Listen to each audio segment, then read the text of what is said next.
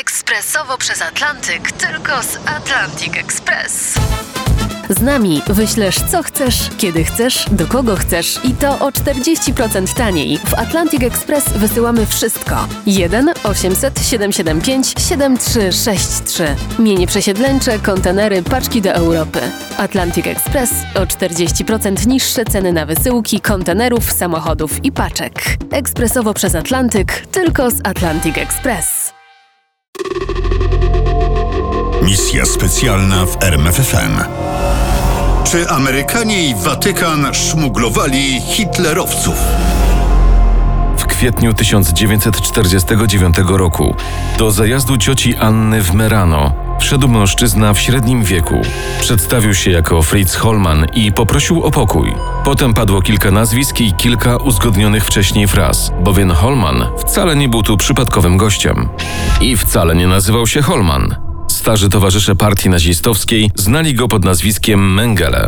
Dr Józef Mengele, kat z Auschwitz. Mengele nie był ani pierwszym, ani ostatnim gościem specjalnym zajazdu. Przez poprzednie cztery lata od końca wojny pojawiły się tu tysiące takich jak on, ściganych przez aliantów zbrodniarzy wojennych z SS i Wehrmachtu. Na co liczyli? Marzył im się wyjazd do Ameryki Południowej, a jeśli się nie uda, to przynajmniej do Hiszpanii, gdzie gorąco zapraszał nazistów generał Franco. Proszę, traktujcie Hiszpanię jako swoją drugą ojczyznę. Mawiał. W pełni korzystano z tej gościnności, aczkolwiek Hiszpanię traktowano tylko jako stację przesiadkową. Celem była Argentyna. Żeby zrozumieć, dlaczego naziści wybrali sobie Argentynę, trzeba cofnąć się do roku 1942. Daleko było wówczas do końca wojny. Wehrmacht odnosił zwycięstwa na wschodzie, a w Afryce Północnej szalał Erwin Rommel. A mimo to kardynał Luigi Malione, watykański sekretarz stanu za pontyfikatu papieża Piusa XII, zwrócił się do ambasadora Argentyny z pytaniem: Czy można spodziewać się przychylnego zastosowania prawa imigracyjnego przez rząd Argentyny, aby zachęcić w odpowiednim momencie europejskich imigrantów katolickich do poszukiwania schronienia w waszym kraju? Odpowiedź musiała być pozytywna, skoro w daleką drogę do Argentyny wyjechał niemiecki ksiądz. Miał dwa zadania: wytyczyć szlak i przygotować grunt dla przyszłych emigrantów. Tak narodził się pierwszy szlak, tak zwana czerwona linia, po niemiecku Ratenlinien. Po wojnie w grę o nazistów włączył się kolejny biskup. Alois Hudal, Austriak czeskiego pochodzenia. On miał już jasno sprecyzowane poglądy. Wojna aliantów z Niemcami nie była krucjatą, ale rywalizacją kompleksów gospodarczych. Mówił: Po 1945 roku poczułem się w obowiązku poświęcić całą swoją działalność charytatywną przede wszystkim byłym narodowym socjalistom i faszystom, a w szczególności tak zwanym zbrodniarzom wojennym. Hudal przekazywał uciekającym nazistom pieniądze, a co ważniejsze, dostarczył im fałszywe dokumenty tożsamości wydane przez Watykańską Organizację Uchodźców. Nie były to jednak paszporty. Te załatwiano już za pomocą Międzynarodowego Komitetu Czerwonego Krzyża. Jak to wyglądało w praktyce, można przeczytać w odtajnionych raportach wywiadu Stanów Zjednoczonych. Podstawą było niezadawanie pytań. Na zasadzie klient nasz pan. Pracownik Czerwonego Krzyża otrzymywał zlecenie i je wykonywał. Potem dostawał zapłatę. Interes kwitł i wszyscy byli zadowoleni. Dwa, czasami nawet trzy razy w tygodniu z Watykanu wyjeżdżał samochód z naklejką CD, korpus dyplomatyczny i jechał do klasztoru San Geronimo. W raporcie napisano: Immunitet dyplomatyczny nie pozwala na zatrzymanie samochodu i ustalenie, kim są jego pasażerowie.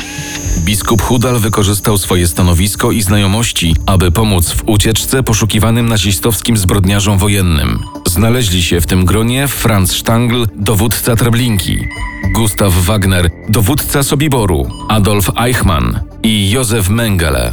W lipcu 1949 roku Mengele pojawił się w Genui.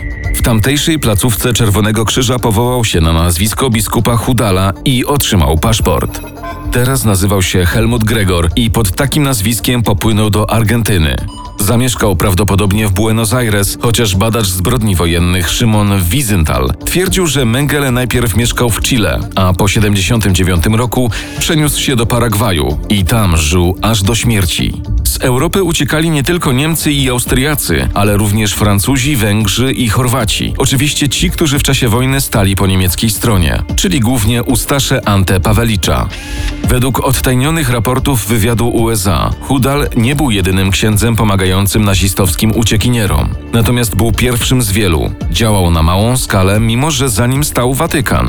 Papież Pius XII należał do pierwszych zimnowojennych bojowników i sprzeciwiał się wszystkiemu, co mogło osłabić Niemcy w obliczu sowieckiego zagrożenia. A ponieważ zaopatrywanie nazistów w dokumenty kosztowało, papieska komisja pomocy uchodźcom musiała poszukać funduszy na ten cel. I znalazła je. Datki płynęły głównie z Kościoła katolickiego w Ameryce. Natomiast obok rozbudowała się sieć zorganizowana przez grupę chorwackich księży z zakonu Franciszkanów. A do tego był jeszcze pająk. Die Spinne, założony przez samego Otto Skorzenego i szefa niemieckiego wywiadu na wschodzie Reinharda Geilena. To właśnie generał Geilen, zaczytany w raporty z frontu wschodniego, doszedł do wniosku, zresztą niezbyt odkrywczego, że Niemcy wojny nie wygrają i trzeba pomyśleć o tym, co będzie po klęsce. Pomysł Rejtardy za Atlantyk nie był ani nowy, ani odkrywczy. Wydawał się za to jak najbardziej realny, oczywiście po spełnieniu kilku warunków. Dlatego Biuro Koordynacyjne dla Międzynarodowych Operacji Die Spinne założył skorzenny w Madrycie. Pomoc finansową otrzymał od niemieckiego potentata przemysłowego Alfreda Kruppa, a w 1951 roku został przedstawicielem Kruppa w Argentynie. Jak się okazało, prezydent Argentyny, Juan Perón, był jeszcze większym zwolennikiem nazizmu niż Franco, z czym bynajmniej się nie krył. W Norymberdze działo się wówczas coś, co osobiście uważałem za hańbę i niefortunną lekcję na przyszłość. Mówił o procesie zbrodniarzy wojennych, a tymczasem korzystał on sam i korzystała Argentyna z potężnego kontyngentu nazistowskich fachowców aż do późnych lat 60. XX wieku. Na podstawie odtajnionych 20 lat temu dokumentów można stwierdzić, że był to proceder na skalę przemysłową.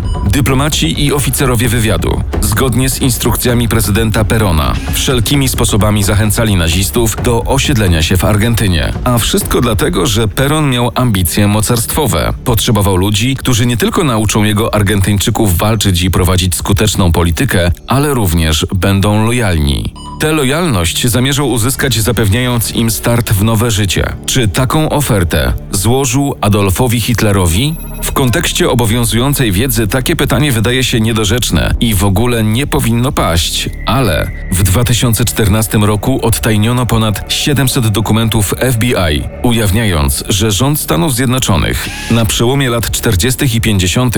podjął śledztwo w sprawie doniesień o możliwej ucieczce Adolfa Hitlera do Argentyny. Później do pogoni za domniemanym Hitlerem ruszyli agenci CIA. Podstawą akcji były niepewne informacje i zdjęcie rzekomego Hitlera wykonane w 1954 roku. Hitlera szukano najpierw w Kolumbii, potem w Argentynie. Okazało się, że wszystkie tropy prowadzą donikąd. Informacje były sprzeczne, a w gruncie rzeczy niewiarygodne. Śledztwo umorzono. Oczywiście FBI Edgarda Hoovera nie szukało tylko Hitlera. Pod lupę wzięto cały proceder, bez względu na to, czy chodziło o szeregowego SS-mana czy generała. I tak od śledztwa do śledztwa, od słowa do słowa pojawiła się Odessa. Podobno był to kryptonim utworzony przez Amerykanów z niemieckiej nazwy Organisation der Ehemaligen SS Angehörigen, czyli Organizacja Byłych Żołnierzy SS. Według źródeł hasło Odessa pojawiło się po raz pierwszy w notatce sporządzonej przez Korpus Kontrwywiadu Armii Stanów Zjednoczonych 3 lipca 1946 roku. Według Szymona Wizentala należeli do Odessy między innymi Otto Skorzenny i Reinhard Geilen. I to właśnie Geilen, oficer wywiadu współpracujący po wojnie z CIA i twórca tajnych służb RFN, miał wspierać działania Odessy. Czy była to prawda? Dokumenty tego nie potwierdzają, ale to tak naprawdę o niczym nie świadczy. Tajemnice wokół kwestii związanych z zakończeniem II wojny światowej nadal obowiązują. Choćby w kwestii interesującej nas tu Odessy, bo w świetle aktualnych badań jej istnienie nie jest wcale takie oczywiste. Już w filmie dokumentalnym wyprodukowanym przez telewizję ZDF Rise of the Far Reich spotykamy się z twierdzeniem, że Odessa nigdy nie była pojedynczą organizacją, którą opisał Wiesenthal, ale kilkoma organizacjami zarówno jawnymi, jak i tajnymi, Kto zatem ma rację? Niemiecki historyk Heinz Schneppen określił Odessę jako mit oparty na rzeczywistych wydarzeniach i podobnego zdania jest większość historyków. Dowody archiwalne przedstawiają tylko fakty, natomiast nie wymieniają organizacji o nazwie Odessa. Mimo to można mieć wrażenie, że istniała zorganizowana sieć. Twierdzi argentyński historyk Uki Goni. Owszem, włoskie i szwajcarskie gazety informowały, jak działał taki system sieci już w 1947 roku. Mimo to tajnej organizacji alianci nie zlikwidowali. Natomiast Gay Walters w książce Hunting Evil napisał: Nie byłem w stanie znaleźć żadnych dowodów na istnienie sieci Odessa. Nowsze badania nad tym, jak nazistowskim zbrodniarzom wojennym i kolaborantom udawało się unikać rozpraw, wykazują, że pewną rolę odegrały osobiste koneksje i że nie stała za tym żadna międzynarodowa organizacja, czytamy w książce pod tytułem Waffen SS. I dopowiedzmy, czasami i amerykańskie tajne służby, czego przykładem są choćby losy byłego adiutanta Himmlera, generała Waffen-SS Karla Wolfa. Amerykanie pomogli mu dojechać do Ameryki Południowej, ale skala pomocy amerykańskiej była o wiele szersza, a motywy różne. Na przykład 9 tysięcy Ukraińców z dawnej dywizji Waffen-SS Galicjen przewieziono do Kanady, gdzie podawali się za rolników osadników, chętnych do pracy na farmach. Inny przykład dotyczy około 90 tysięcy żołnierzy Waffen-SS i nazistowskich kolaborantów z krajów bałtyckich. W 1950 roku zaklasyfikowano ich do grona antysowieckich bojowników o wolność i zezwolono im na przyjazd do Ameryki Północnej.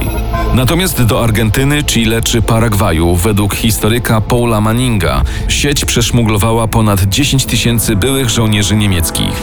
Czy tą siecią była Odessa? Wydaje się, że sama nazwa nie ma tu znaczenia. Znaczenie ma zjawisko, które przecież potwierdziło szerokie grono historyków. Gita Sereni przypisywała ucieczkę SS-manów powojennemu chaosowi, który panował w Europie, ale również niezdolności Kościoła katolickiego, Międzynarodowego Czerwonego Krzyża i Armii Stanów Zjednoczonych do weryfikacji tożsamości osób, które zwróciły się do nich o pomoc. To nie działalność podziemnej organizacji nazistowskiej, lecz urzędnik Watykanu, biskup Hudal, pomagał nazistom uciec do Ameryki Południowej.